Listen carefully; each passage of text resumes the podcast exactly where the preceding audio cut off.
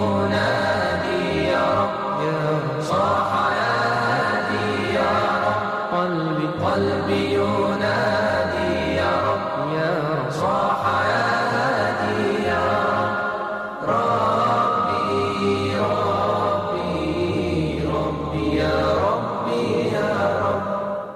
بسم الله الرحمن الرحيم الحمد لله رب العالمين وصلى الله وسلم وبارك على نبينا محمد وعلى آله وأصحابه ومن تبعهم بإحسان إلى يوم الدين اللهم لا علم لنا إلا ما علمتنا إنك أنت العليم الحكيم اللهم علمنا ما ينفعنا وانفعنا بما علمتنا وزدنا علما يا رب العالمين Uz Allahu Jalla Vala dozvolu nastavljamo se večeras družiti sa Allahovim govorom, Allahovom knjigom.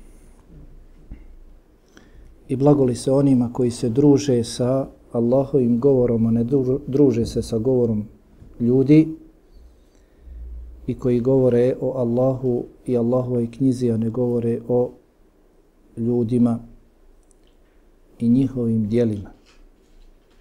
Zasigurno govor o Allahu i Allahovoj knjizi je lijek za naša srca, dočim počesto govor o drugima i njihovim dijelima može da bude počesto bolest za naša srca. Ako Bog da večeras družimo se sa surom Ešems, čuli ste šta Allah subhanahu wa ta'ala dakle kaže u ovoj suri, a vidjet ćemo ako Bog da njen komentar večeras.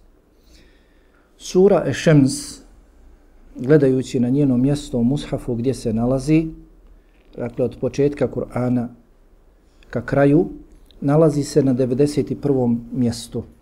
U Kur'anu imamo 114 sura. Prva sura je sura El-Fatiha, zadnja sura je sura En-Nas. Od sure El-Fatiha prema suri En-Nas na 91. mjestu nalazi se sura Ešems.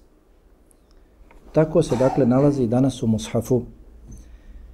Ko ima pred sobom Mushaf vidi dakle da ima 15 ajeta ova sura sastoji se iz 15 ajeta i svi učenjaci, komentatori Kur'ana su složni oko tog broja. U tih 15 ajeta nalazi se 54 riječi i 247 harfova. Dakle, ko prouči suru Ešems, iskreno, radi Allaha, ispravno, kako nam je dostavljeno, prenešeno od Allahovog poslanika, sallallahu alihi wasallam, ako Bog da, ima ogroman broj sevapa, 2470, inša Allahu ta'ala. Ova sura je mekanska sura i oko toga se također slažu svi komentatori Kur'ana. Kada kaže mekanska, dakle postoji medinska, osnovna razlika između mekanskih i medinskih sura je ta da su mekanske sure objavljene u prvom periodu Islama, odnosno prije hijđre, preseljenja Allahovog poslanika alihi salacom iz Mekke u Medinu, ma gdje bile objavljene, nije uvjet da budu objavljene u Mekke kod Kabe. I izvan Mekke i bilo gdje, ali je uvjet da to bude objavljeno prije hijđre. Dakle, u prvih 13 godina poslanstva. A medinske sure su sve one sure koje su objavljene i ajeti koji su objavljeni nakon hijđre ma gdje bili objavljeni. Dakle, u narednih kasnijih deset godina poslanstva, zadnjih deset godina života Allahovog poslanika, alaihi sallam, pa makar ti ajeti ili sure ili ajeti bili objavljeni i na Arefatu. I, jeli, oko Mekke, u blizini Mekke. Kao što imamo slučaj takvi, takvi sura. Dakle, makar i ne bili objavljeni u Medini. Znači, razgraničenje između mekanskih i medinskih sura – jeste da su mekanske sure sve sure koje su objavljene prije Mekke, prije hidžre iz Mekke u Medinu, a medinske one koje su objavljene nakon, nakon hidžre. I postoji još mnogo drugih odlika jednih i drugih sura. Jedna od tih odlika jeste da mekanske sure govore o imanu, vjerovanju u Allaha i sudnji dan. Ponajviše govore i o drugim stvarima bitnim vezanim za iman, međutim najviše je govore o vjerovanju u Allaha kao jednog, jedinog istinskog Boga. I također govore o sudnjem danu. Zašto? Zato što upravo mušrici, tadašnji mnogobožci Mekke nisu vjerovali na ispravan način u Allaha, vjerovali su da je on gospodar, da je on stvoritelj i, ali da je on jedini istinski bog dostojnog obožavanja, nisu ga prihvatali. Zar da on sve naše bogove svede na jednog boga, tako su govorili s čuđenjem? Ne, nisu to mogli da prihvate. Pa Kur'an o tome mnogo govori.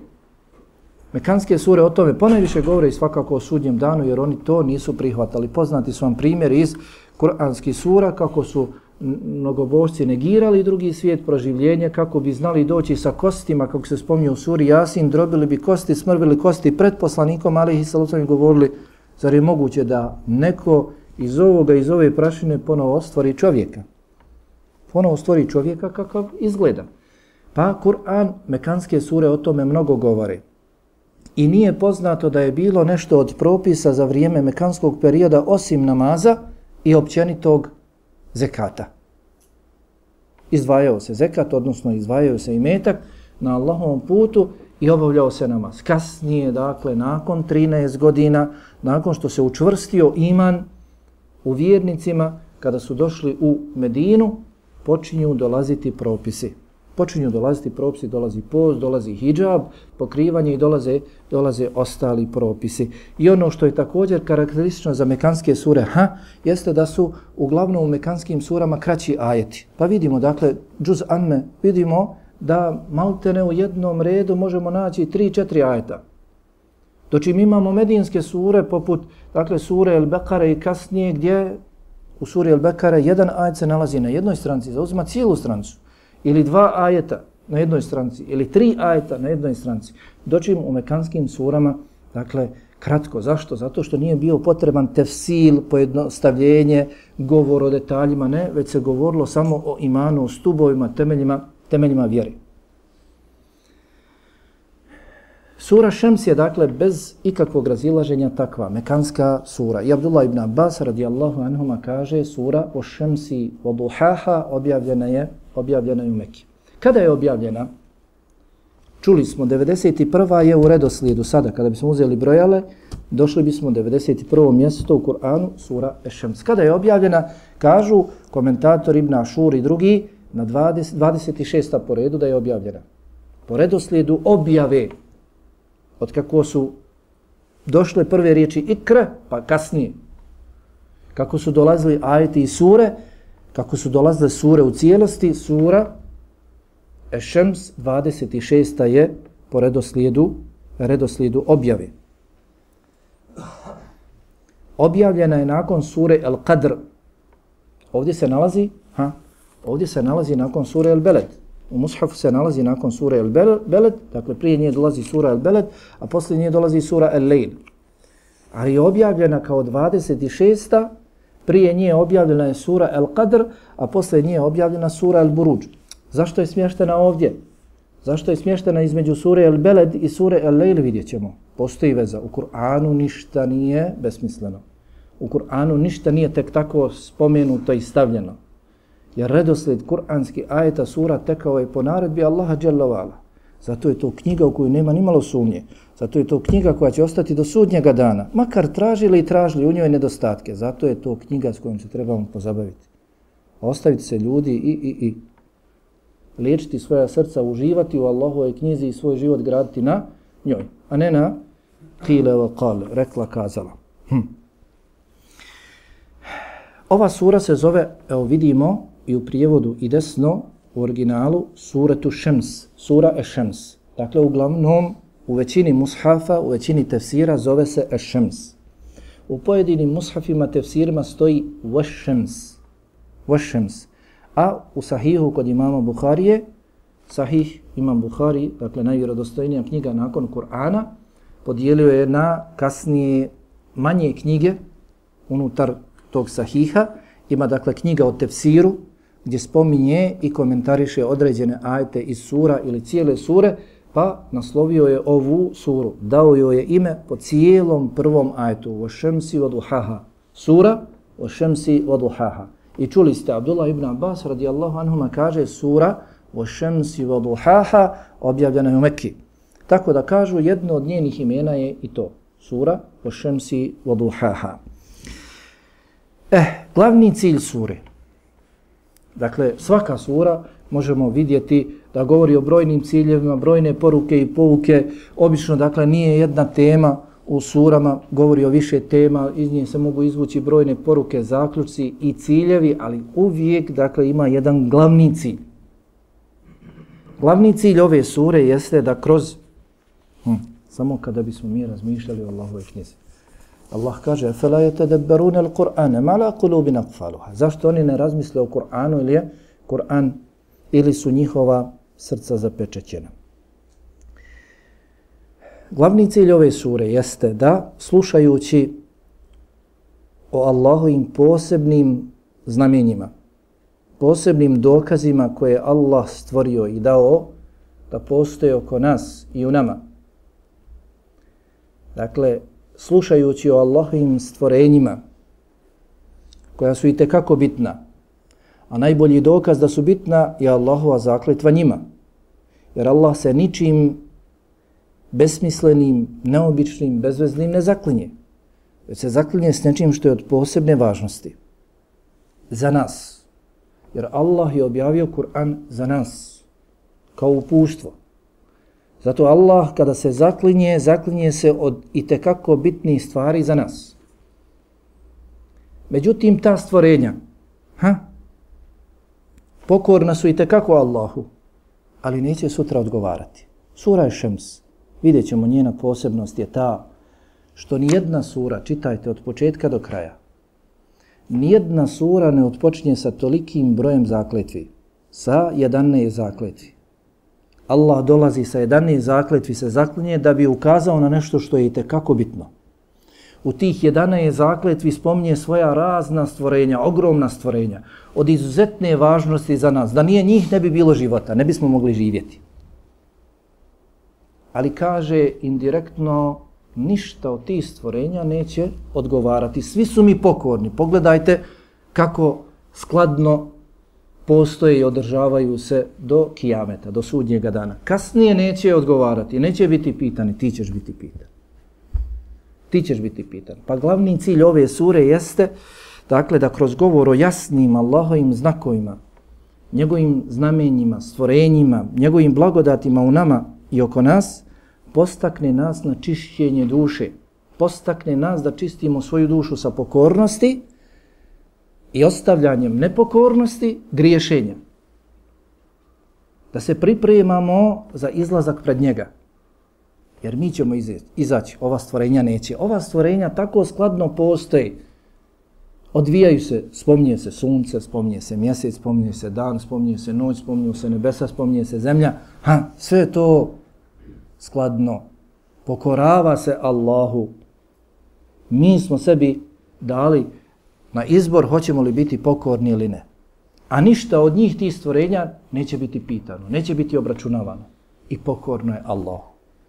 A mi ćemo biti obračunavani, mi ćemo biti nagrađivani, zato dakle trebamo uzeti i breta iz tih stvorenja koja su daleko, daleko veća od nas i pokorna su Allahu, da budemo i mi pokorni, da čistimo svoju dušu sa pokornosti Allahu subhanahu, subhanahu wa ta'ala.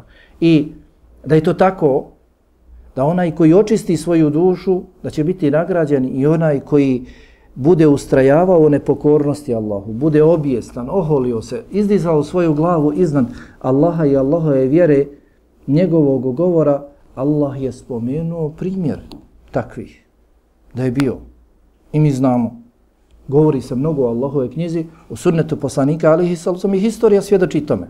Imamo i takva kazivanja o narodu koji je postojao i kažnjen zbog toga što se oholio nad Allahovom, Allahovom riječi, pa će Allah subhanahu wa ta'ala dakle o tome govoriti u ovoj, u ovoj suri. Zašto je sura Ešems smještena ovdje? Nakon sure El Beled i prije sure El Lejl. A objavljena je nakon sure El Qadr, a prije sure El Buruđ. Sura prije sure Šems El Beled govori o dvijema osnovnim kategorijama sutra na sudnjem danu. Oni koji će dobiti knjigu u desnu ruku, vjernici, i oni koji će dobiti knjigu u svoju lijevu ruku, nevjernici. Oni koji će biti stanovnici dženneta i oni koji će biti stanovnici džehennema. U suri Šems koja slijedi nakon ove sure, ova sura El Beled završava s tim. Sa spomenom vjernika stanovnika dženneta dženetlija i spomenom nevjernika stanovnika džehennema. Sura završava s tim, nakon nje dolazi sura Ešems i kratko, nakon mnogobrojnih zakletvi, pocrtava zbog čega su jedni stanovnici dženeta, a drugi stanovnici džehennema. Zato što su jedni se čistili od svega, prije svega od mnogoboštva, nevjerstva, licemjerstva, zatim svih osobina, loši osobina koje Allah ne voli, s kojima nije zadovoljan, a drugi se nisu čistili. Pa su jedni zbog svoje čistoće dobili knjigu u desnu ruku i nama je dobro poznato, je tako? I na Dunjaluku znak čistoće ili ono što je čisto dohvata se desnom rukom. A ono što nije čisto i što se radi od nečistih poslova, to se uglavnom radi lijevom rukom. Pa će oni koji su čistili se dobiti knjigu svoju dijela u desnu ruku, a oni koji se nisu čistili, već su svoju dušu propastili na kraju sebe, svoj život i na dunjaluku i na ahiretu, kako se kaže jeli, u suri Šura, inna l-khasirina alladhina khasiru anfusahum wa ahlihim yawm al-qiyamah. Najveći gubitnici propalice jesu oni koji upropaste i svoj dunjaluk i svoj ahiret i svoju porodicu i sebe. To su najveće naj, najveći gubitnici najveće propalce. Pa su oni unečistili svoju dušu unečistili svoj život propa, pro, kockali svoj dunjaluk i svoj i svoj ahiret. Zatim u suri al-balad Allah subhanahu wa ta'ala na kraju Sure kaže وَالَّذِينَ كَفَرُوا بِآيَاتِنَا هُمْ أَصْحَابُ الْمَشْأَمَ عَلَيْهِمْ نَارُمْ صَدَ hm? Prije toga ako gledamo, Allah subhanahu wa ta'ala završava suru El Beled sa spomenom nevjernika i njihovim boravištem u čemu će se nalaziti. Ako prije toga pogledamo ajete koji govore o vjernicima, spominju se osobine vjernika. Spominje se hranjenje siromaha, spominje se jatimi, jeli, spominje se vjerovanje u Allaha, spominje se strpljenje i slično. Međutim, Allah kaže u lajke ashabul mejmene i gotovo. To su oni koji će dobiti knjigu u desnu ruku. Ne spominje njihova uživanja. Ne navodi primjer u džernetu. Ha? To čim kada ovdje kaže oni koji su poricali naše ajete, oni će biti oni koji će dobiti knjigu u lijevu ruku, alihim narum sade. Spominje nešto od kazne koja će ih zadesiti. Dakle, kako će biti kažnjeni na ahiretu. Hm. Dakle, u suri Al-Belad spominje primjer kazne na ahiretu, a u suri Šems spominje primjer kazne na Dunjaluku. Spominje narod Samud koji je kažnjen na Dunjaluku. Da ne postoji samo kazna na ahiretu, ne, grijesi imaju svoje posljedice i na Dunjaluku. Okretanje od Allahove vjere, Allahove knjige, Allahovog poslanika ima kaznu, ima posljedice, koje čovjek doživljava još i na, i na dunjavku, ne samo na ahiretu. Nakon sure Ešems došla je sura El-Leil. U suri Ešems Allah subhanahu wa ta'ala kaže zasigurno će uspjeti onaj koji svoju dušu očisti i zasigurno će propasti onaj koji svoju dušu uprlja, u nečisti. U suri El-Leil imali smo priliku slušati ko nije bio neka se vrati, negdje je snimljeno. Uh, Allah subhanahu wa ta'ala u suri El-Leil pojašnjava čime se to duša čisti na šta treba najviše potencirati. Hm.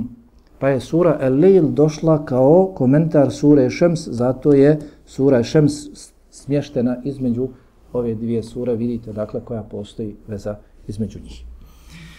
Dakle, sura Šems ima 15 ajeta, prvih 10 ajeta, u prvih 10 ajeta Allah subhanahu wa ta'ala spominje svoja brojna, ogromna stvorenja koja su od izuzetne važnosti za nas, zaklinje se njima da ukaže na njihovu posebnost, ali isto tako i da ukaže na posebnost onoga što slijedi nakon tih zakletvi. Pa dakle u tih deset ajeta spominju se Allahove zakletve i spominje se da čovjek koji želi sebi uspjeh, želi sebi spas, sigurni spas i o tome postoje brojne potvrde u tom ajetu, nije to nešto nekakvo kazivanje priča, jeli, imaginarno nešto, ne, to će sigurno biti, ko želi sebi spas, mora da se čisti. Onakvu dušu kako je dobio od Allaha, srce kako je dobio od Allaha, da nastoji ga takvim vratiti Allahu čiste. A onaj koji će sigurno propasti, jeste dakle ko ne bude vodio računa u svojoj duši. I nakon toga u preostalih peta ajeta ove sure Šems, Allah navodi primjer jednog od naroda, a zašto navodi Semuda? Zato što je Semud stanovao sa svojim mjestom stanovanjem najbliže Arapima. Zato Allah ih navodi ovdje, navodi narod Semud. O, Arapi, mnogobožci, Mekke, vi ste tu najbliži njima. Vidjeli ste, znate za njihovo mjesto gdje su stanovali, znate, pričalo se, evo ja vam govorim u Koranu šta se desilo s njima. Uzmite i vreta. Vidjet ćemo, Allah subhanahu wa ta'ala spominje neke detalje iz njihovog života, njihove obijesti, kako su okretali, smijavali se s poslanikom, poricali poslanika, to su isto radili mnogobošci Mekke. Pa im je Allah naveo kratko u pet ajeta kazivanje o Semudu, da uzmu ibrata, da ne okretu, okreću svoju glavu od poslanika, ali i da i ne bi snašlo ono što je ono što je snašlo Semud. Dakle, kaže Allah Jalla vala, ha, o šemsi voduhaha. I ova četiri ajeta, je li tako, govori se uvijek o suncu. Allah subhanahu wa ta'ala u ova četiri ajeta, dakle, dolazi jeli, sa osam zakleti u četiri ajeta. Ali svaki puta se zaklonje sa suncem. Pa kaže, wa šemsi wa. Tako mi, sunca i njegovog svjetla, jutarnjeg. Vidite ovo, wa. Pa u sljedećem ajetu, wal qamari idha tela ha. Ovaj damir ha odnosi se uvijek na sunce. Pa se kasnije možemo čuti zaključke poruke, sunce je jedan od najvećih Allahovih dokaza na zemlji. Zato Allah subhanahu wa ta'ala u ovim ajetima stalno spominje sunce. Tako mi sunca i njegovog svjetla, tako mi mjeseca kada prati, kada ga prati, na koga se ovo odnosi ga? Na sunce, kada prati sunce. Tako mi dana koji ga učini vidljivim, koga? Sunce. Tako mi noći kada ga prekrije, koga? Kada prekrije sunce. Svaki puta spominje se sunce, jer je sunce od izuzetne važnosti za nas. Međutim, to je stvorenje i ono će proći, ono će nestati, Allah će ga uništiti. Kada nastupi kijamat, sve će biti uništeno. Ali neće biti obračunavano. Mi ćemo biti obračunavani. I poznato nam je da se odvija kako ga je Allah subhanahu wa ta'ala, kako je postao svijet do kijameta, do završetka svijeta, sunce ima svoju putanju, jeli, kao i sve ostalo što je spomenuto, odvija se, dešava se onako kako je Allah subhanahu wa ta'ala postavio, postavio zakon i po njemu, po njemu se kreće. Pa dakle, Allah dželle vala ovdje kaže o šemsi od duhaha. I Allah se ovdje zaklinje, kako rekao, jedan ne zakletvi i uvijek kažem, jer je to bitno, počesto se nama promakne, Allah se zaklinje čime god ono hoće, mi se ne smijemo zaklinjati osim Allahom. Jer je došlo u hadisu Ibn Umara radijallahu anhuma kod Bukhar i eh, kod muslima da je rekao poslanik alihi salatu wasalam, onaj koji želi da se zakune, neka se zakune sa Allahom ili neka šuti. Nema majke mi, nema života mi, nema Kabe mi, ima samo Allaha mi. Ali i Allaha mi ne može za sve. Ne trebamo uzeti, ima ljudi koji non stop što god Allaha mi, Allaha mi, Allaha mi. Allah se zaklinje posebnim stvarima za nešto posebno. I ti se zaklinji jedino Allahom za nešto posebno, ne za sve, za bilo šta. Hm. Pa se Allah zaklinje ovdje suncem. Nakon toga, jer je sunce, dakle, i otpočeo sa suncem, jer je sunce najveći Allahov dokaz na zemlji i 11 zakletvi spominje i želi da ukaže da nešto od stvorenja što je njemu najbitnije i što je za nas najbitnije u tih 11 zakletvi jeste sunce, zato je otpočeo sa suncem. Vaduhaha, Ha, imali smo suru od Duha i tamo sam govorio, spominjao, komentator spominjao oko 11 govora, ali ono što je nama opće poznato i na što mozak, na što razum odmah, dakle, pomišlja, jeste vrijeme Duha. Je tako? A to je od kako sunce izađe, pojavi se i odskoči nekih 10-15 minuta, prođe do predpodne. Pa se ovdje, ima komentatora koji kažu da se ovdje Allah zaklinje suncem i cijelim danom dok sunce ha, traje dok sunce je vidljivo, dok ne zađe. Međutim, preče je na što ukazuje ovaj termin svojom spoljašnosti, da se misli dakle na taj period dana, odnosno svjetlosti, sunčeve svjetlosti od kako izađe do predpodne. Zašto? Zato što je tada najjače sunce. I zato što sunce se tada javlja nakon tmina. Hm? Pa je svjetlost nakon tmine zasigurno veća i kao što je uputa nakon zablude zasigurno kod osobe koja je bila u zabludi vrednija. Više je vredno je za razliku od onih koji su možda rođeni od roditelja koji su bili na uputi i tako, tako odrastaju. Pa Allah dželle nakon toga kaže wal qamari idha talaha i tako mi mjeseca koji slijedi sunce nakon što sunce zađe pojavi se pojavi se mjesec. Hm. Sve skladno dakle Allahu dželle se pokorava. Sunce zalazi, mjesec izlazi. Opet da nama svijetli. Hm. Wan nahari idha jallaha i tako mi dana kada razotkrije sunce, kada sunce učini učini vidljivim i proširi se njegova svjetlost. Wal layli idha yaghshaha i tako mi noći kada prekrije sunce svojom tminom. Sve to ukazuje dakle da sunce postoji i zalazi.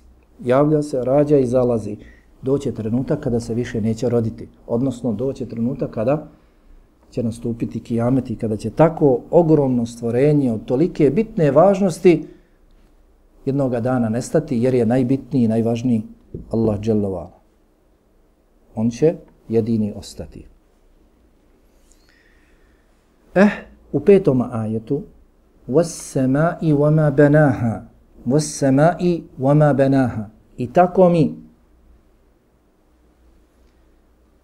neba i onoga koji ga sazda. Jeste.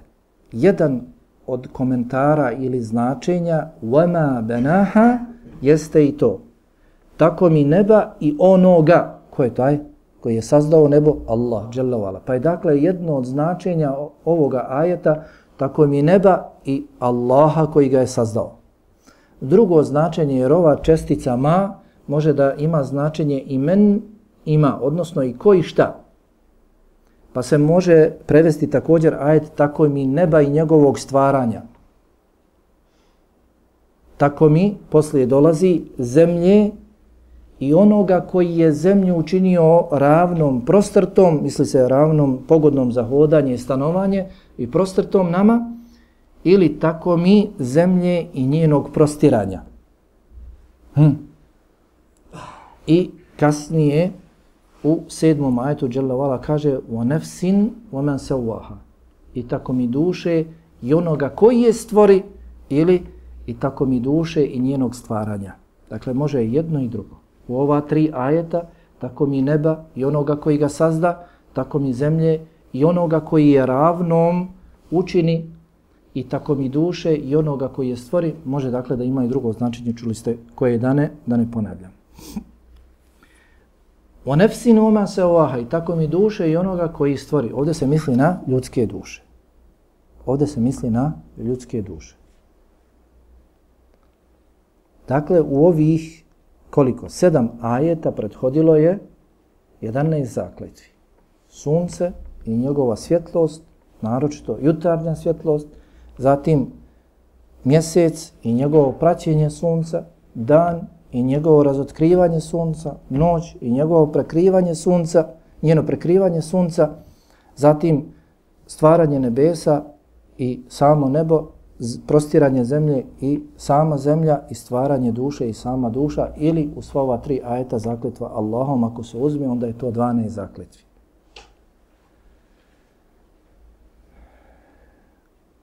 U osmom ajetu Allah kaže فَأَلْهَمَهَا فُجُورَهَا وَتَقْوَهَا Pa je nadahnu, poduči, učini da je to njoj svojstveno, da, da je od njene prirode, da može razaznati dobro od zla. فَأَلْهَمَهَا Pa je Allah subhanahu wa ta'ala nadahnu ili poduči, njenom zlu i njenom dobru. Odnosno ono što je upropaštava i ono što je vodi ka njenom dobru. Da može da razazna. I ne možemo se nazahvaljivati Allahu kada je to on dao nama samima, a zatim objavio knjigu i poslao poslanika da nam to još bude jasnije.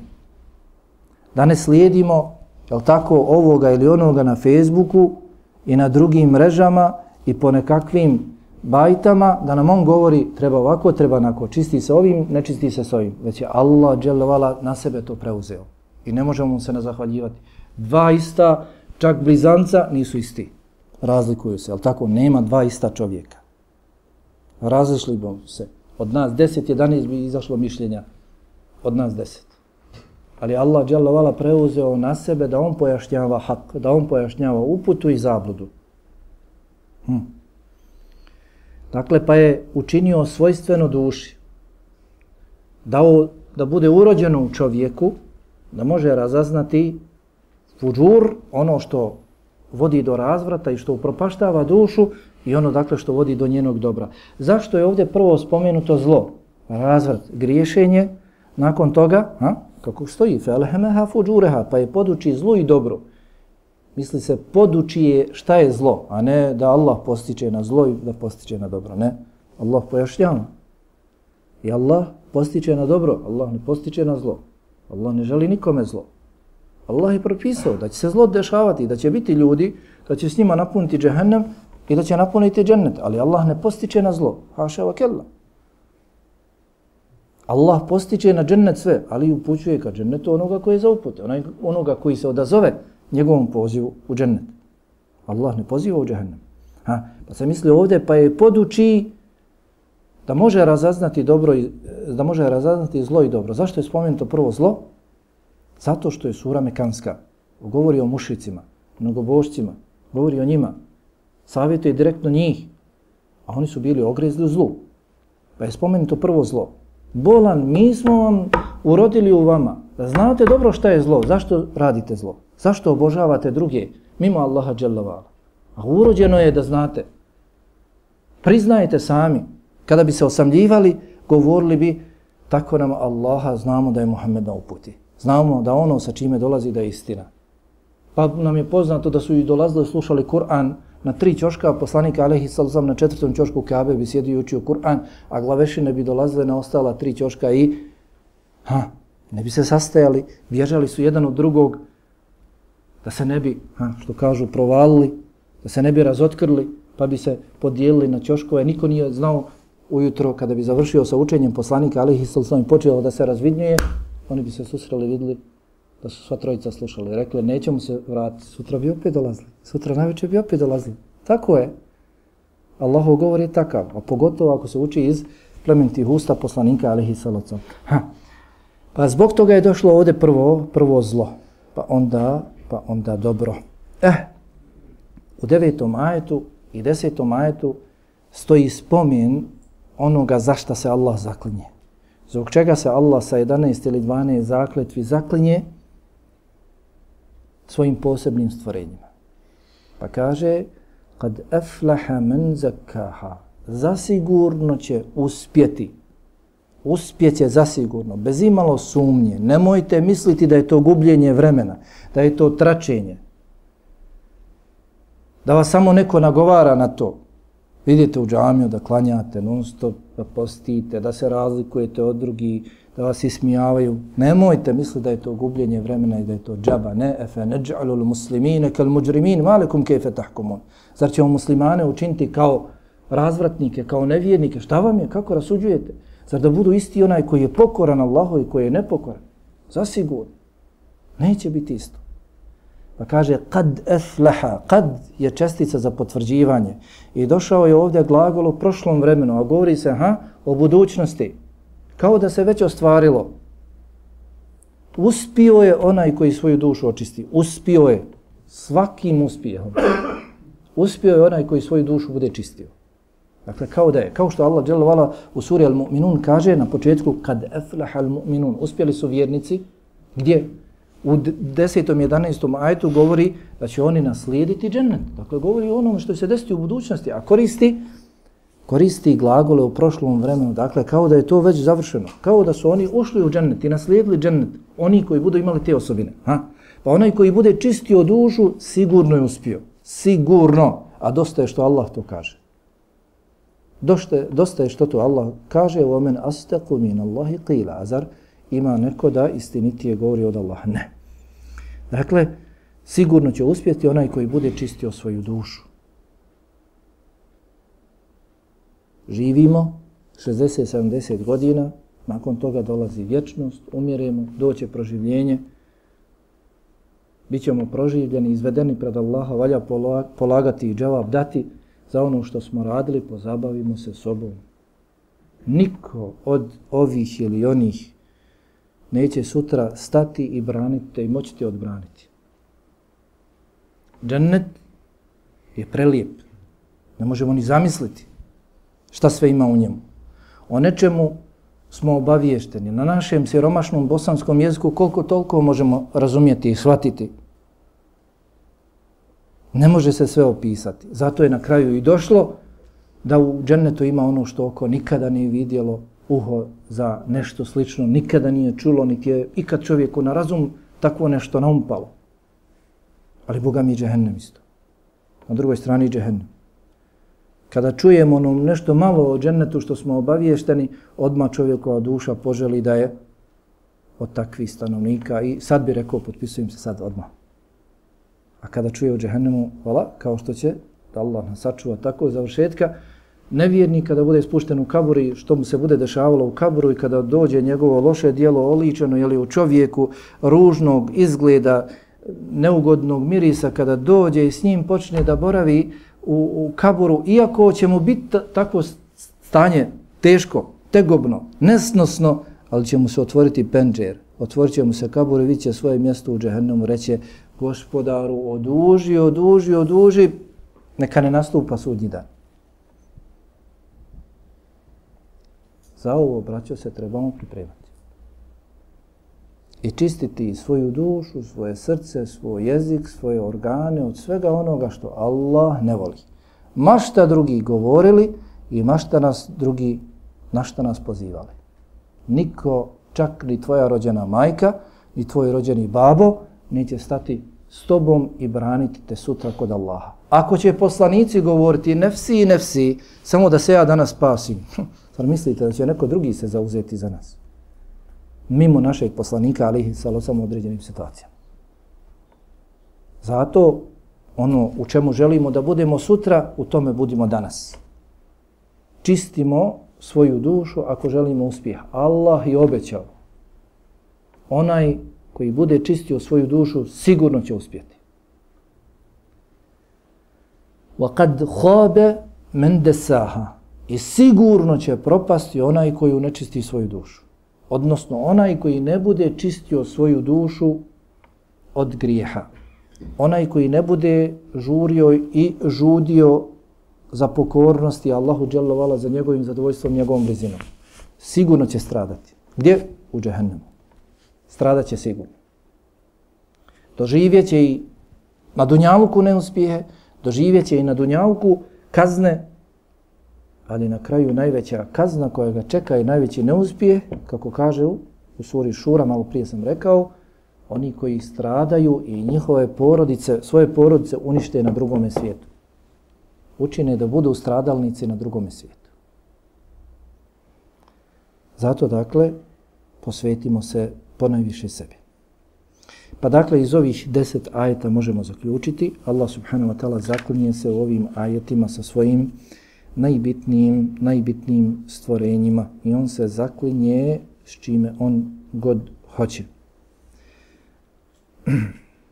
Vidimo dakle da po jednom tumačenju Allah se zaklinje i sobom i zasigurno ono što dolazi nakon takvih zakletvi je nešto posebno o čemu treba čovjek da razmišlja i da sebi stavi u program svoga života da mu to bude na prvom mjestu jer ako se Allah zaklinje sobom prije toga Dakle, to je od zasigurno posebne važnosti. Vidimo da je Allah taj koji nam ukazuje na dobro i zlo. Vidimo, dakle, Allahovu milost u pogledu toga da trebamo biti zahvalni Allahu, pa žuriti sa dobrom, a kloniti se zla. I vidimo, dakle, u ova zadnja dva ajeta da će uspiti onaj koji se bude čistio, a sigurno stradati onaj koji se ne bude čistio, odnosno koji nastavi sa griješenjem. Eh, nakon što je Allah subhanahu wa ta'ala sve ovo spomenuo i na kraju podvukao da će se sigurno desiti s jednima i s drugima i da je nagrada shodna dijelu. Kako budeš radio, tako ćeš zaraditi. Čistio se, uspije. Nise čistio, šta očekivati? Allah je pravedan. Allah neće nikome učiniti nepravdu. Neće učiniti nepravdu vjernicima. Bili su vjernici, vjerovali, podnosili mnogo šta da ih izjednači sa nevjernicima. Nikada. Ha? Nakon toga Allah subhanahu wa ta'ala spominje primjer jednog neposlušnog naroda. Odnosno, koji nije čistio sebe, svoju dušu, već dakle odao se i ogrezao u griješima, u grije, grijesima. Kao što vam je poznato, ha, a doći ako Bog da, je li tako, doće u suri El Fajr. Je li tako, dođe u suri El Fajr spomen Ada, spomen Semuda i spomen Faraona i njegovog naroda. To su tri naroda koji su najviše na Dunjaluku bili ogrezli u grijesima. Drugih je nevjernički naroda bilo, ali ova tri naroda su naj veća nevjernička naroda. Eh, ovdje spominje jedan od tih naroda. Semud. Semudu je bio poslan poslanik Salih. Međutim, ovdje ga ha, ne spominje imenom. U ovih pet ajeta spominje ga, međutim kaže Allahu poslanik, Allahu poslanik, Allahu poslanik. Iz respekta prema njemu i također da ima općenito značenje, pa da se to može odnositi na mnogobožce Mekke.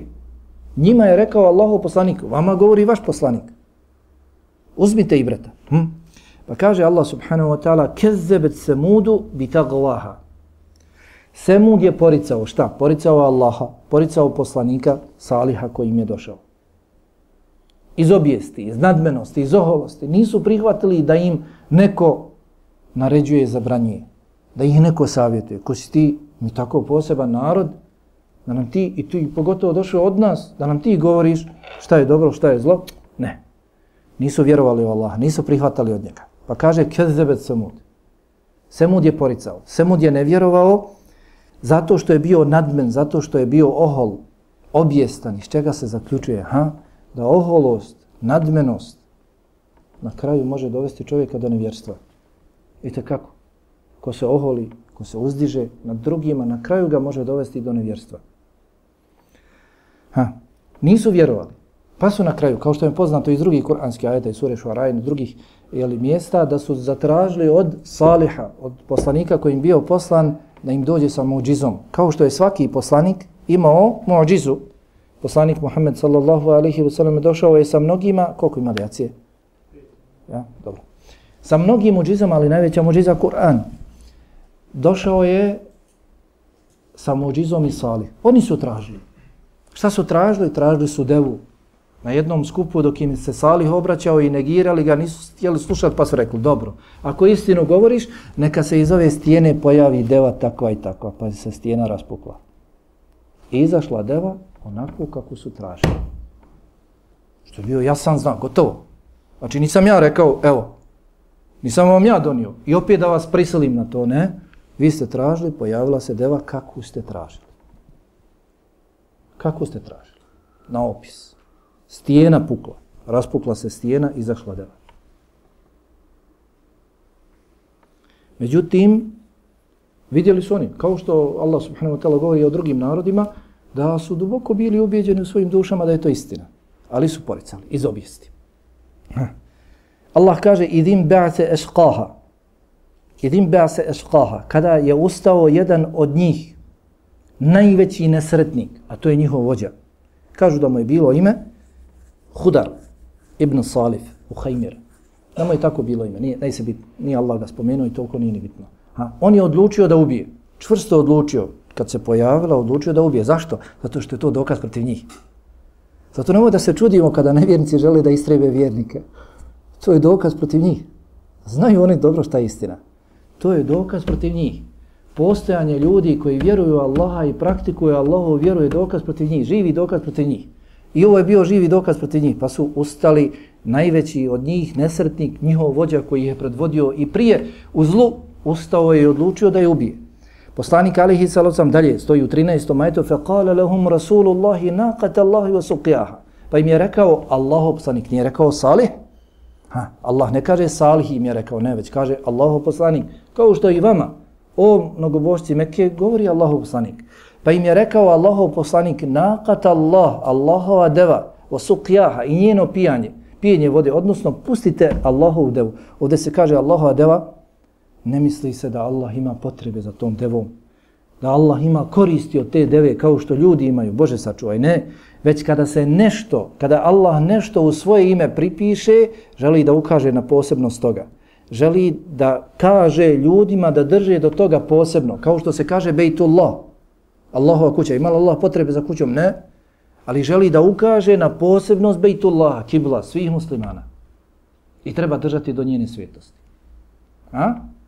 Pa i ovdje kaže Allahova deva, odnosno pustite Allahu devu, to je dokaz, mođiza, osukljaha i njeno pijenje vode. Pa im je bilo rečeno, kako se spomnio u suri Šuara, da kada ona dolazi na izvor vode, da taj dan oni ne dolaze. Da ne piju vodu, oni. Da ne crpe vodu sa izvora oni, već da puste devu da ona pije. A kasnije da dolaze oni. I čak se spominje u komentaru tog 155. gajta sure Šuara, da onaj dan kada bi ona pila, koliko bi popila vode, toliko bi im dala mlijeka. I oni su pili njeno mlijeko. Imali koriste od toga? Međutim, ne. Kada je u pitanju njihov interes, najveći interes, a to je nevjerstvo i vođstvo, sve će dati, sve će žrtvovati. Ma kakve druge koristi imali, sve manje koristi sa ovom njihovom najvećom koristom će žrtvovati. Pa su ustali i ubili tu devu, kaže, فَكَذَّبُوهُ فَاقَرُوهَا Pa su poricali ga i dalje. Nastavili sa poricanjem Saliha, svoga poslanika, فَاقَرُوهَا Pa su je zaklali, فَدَمْدَمَ عَلِيهِمْ رَبُّهُمْ بِذَنْبِهِمْ فَسَوَّاهَا Pa je njihov gospodar na njih spustio, na sve njih spustio kasnu i sravnio ih u potpunosti. Nisu svi ubili je. Ha? Već je ustao on, vođa, i pozvao nekolicinu njih i oni su ubili tu devu. Međutim, Allah kaže فَدَمْدَمَ عَلِيهِمْ رَبُّهُمْ بِذَنْبِهِمْ فَسَوَّاهَا Ali je njihov gospodar na njih, pa njihov gospodar na njih spustio kaznu i sve ih uništio. Zašto? Zato što su drugi podržavali ih u tome. Pa se iz ovoga izvlači zaključak, onaj koji podržava grijeh, isti je kao i onaj koji čini. Onaj koji je zadovoljan s grijehom, isti je kao i onaj koji čini taj grijeh. Onaj koji potpomogne drugog u grijehu, isti je kao da čini grijeh. I s druge strane došlo je nama ko uputi na dobro, isti je kao onaj koji učinio to dobro. Hm? I na kraju kaže Allah, Allah je hafu ukbaha. I Allah ne strahuje zbog toga što ih je tako uništio. Allah ne strahuje zbog toga što ih tako uništio. Zašto? Zašto? Zato što je Allah vladar svih vladara. La yus'alu amma yaf'alu wa hum yus'alun. Allah neće biti pitan za ono što on radi, već će biti pitan i oni. I Allah im je prije toga poslao nekoliko opomena. I oni sami rekli šta hoće i pojavilo im se jasan očigledan dokaz i pored toga ustrajali u nevjerstvu, Allah subhanahu wa ta'ala ih kaznio nakon opomena. Kaznio. Pa ova sura Mekanska i šarati mušicima, mnogobošcima Mekke da ne okreću u glavu od poslanika alihi salusam, da se ne uzdižu nad Allahu in dželle riječima da ih ne bi snašlo ono što je snašlo narod Semun. Ali to ne znači da se ovi ajeti odnose samo na mnogobošce Mekke. To se odnosi na svakoga onoga koji okreće glavu od Allahu je dželle vala vjere do do sudnjega dana. I dakle ovdje ima mnogo poruka i pouka. Ako Bog da dovoljno je ono što je što je prethodilo. Subhanallahu ve bihamdika, ashhadu an la ilaha illa anta, astaghfiruka wa atubu ilaik.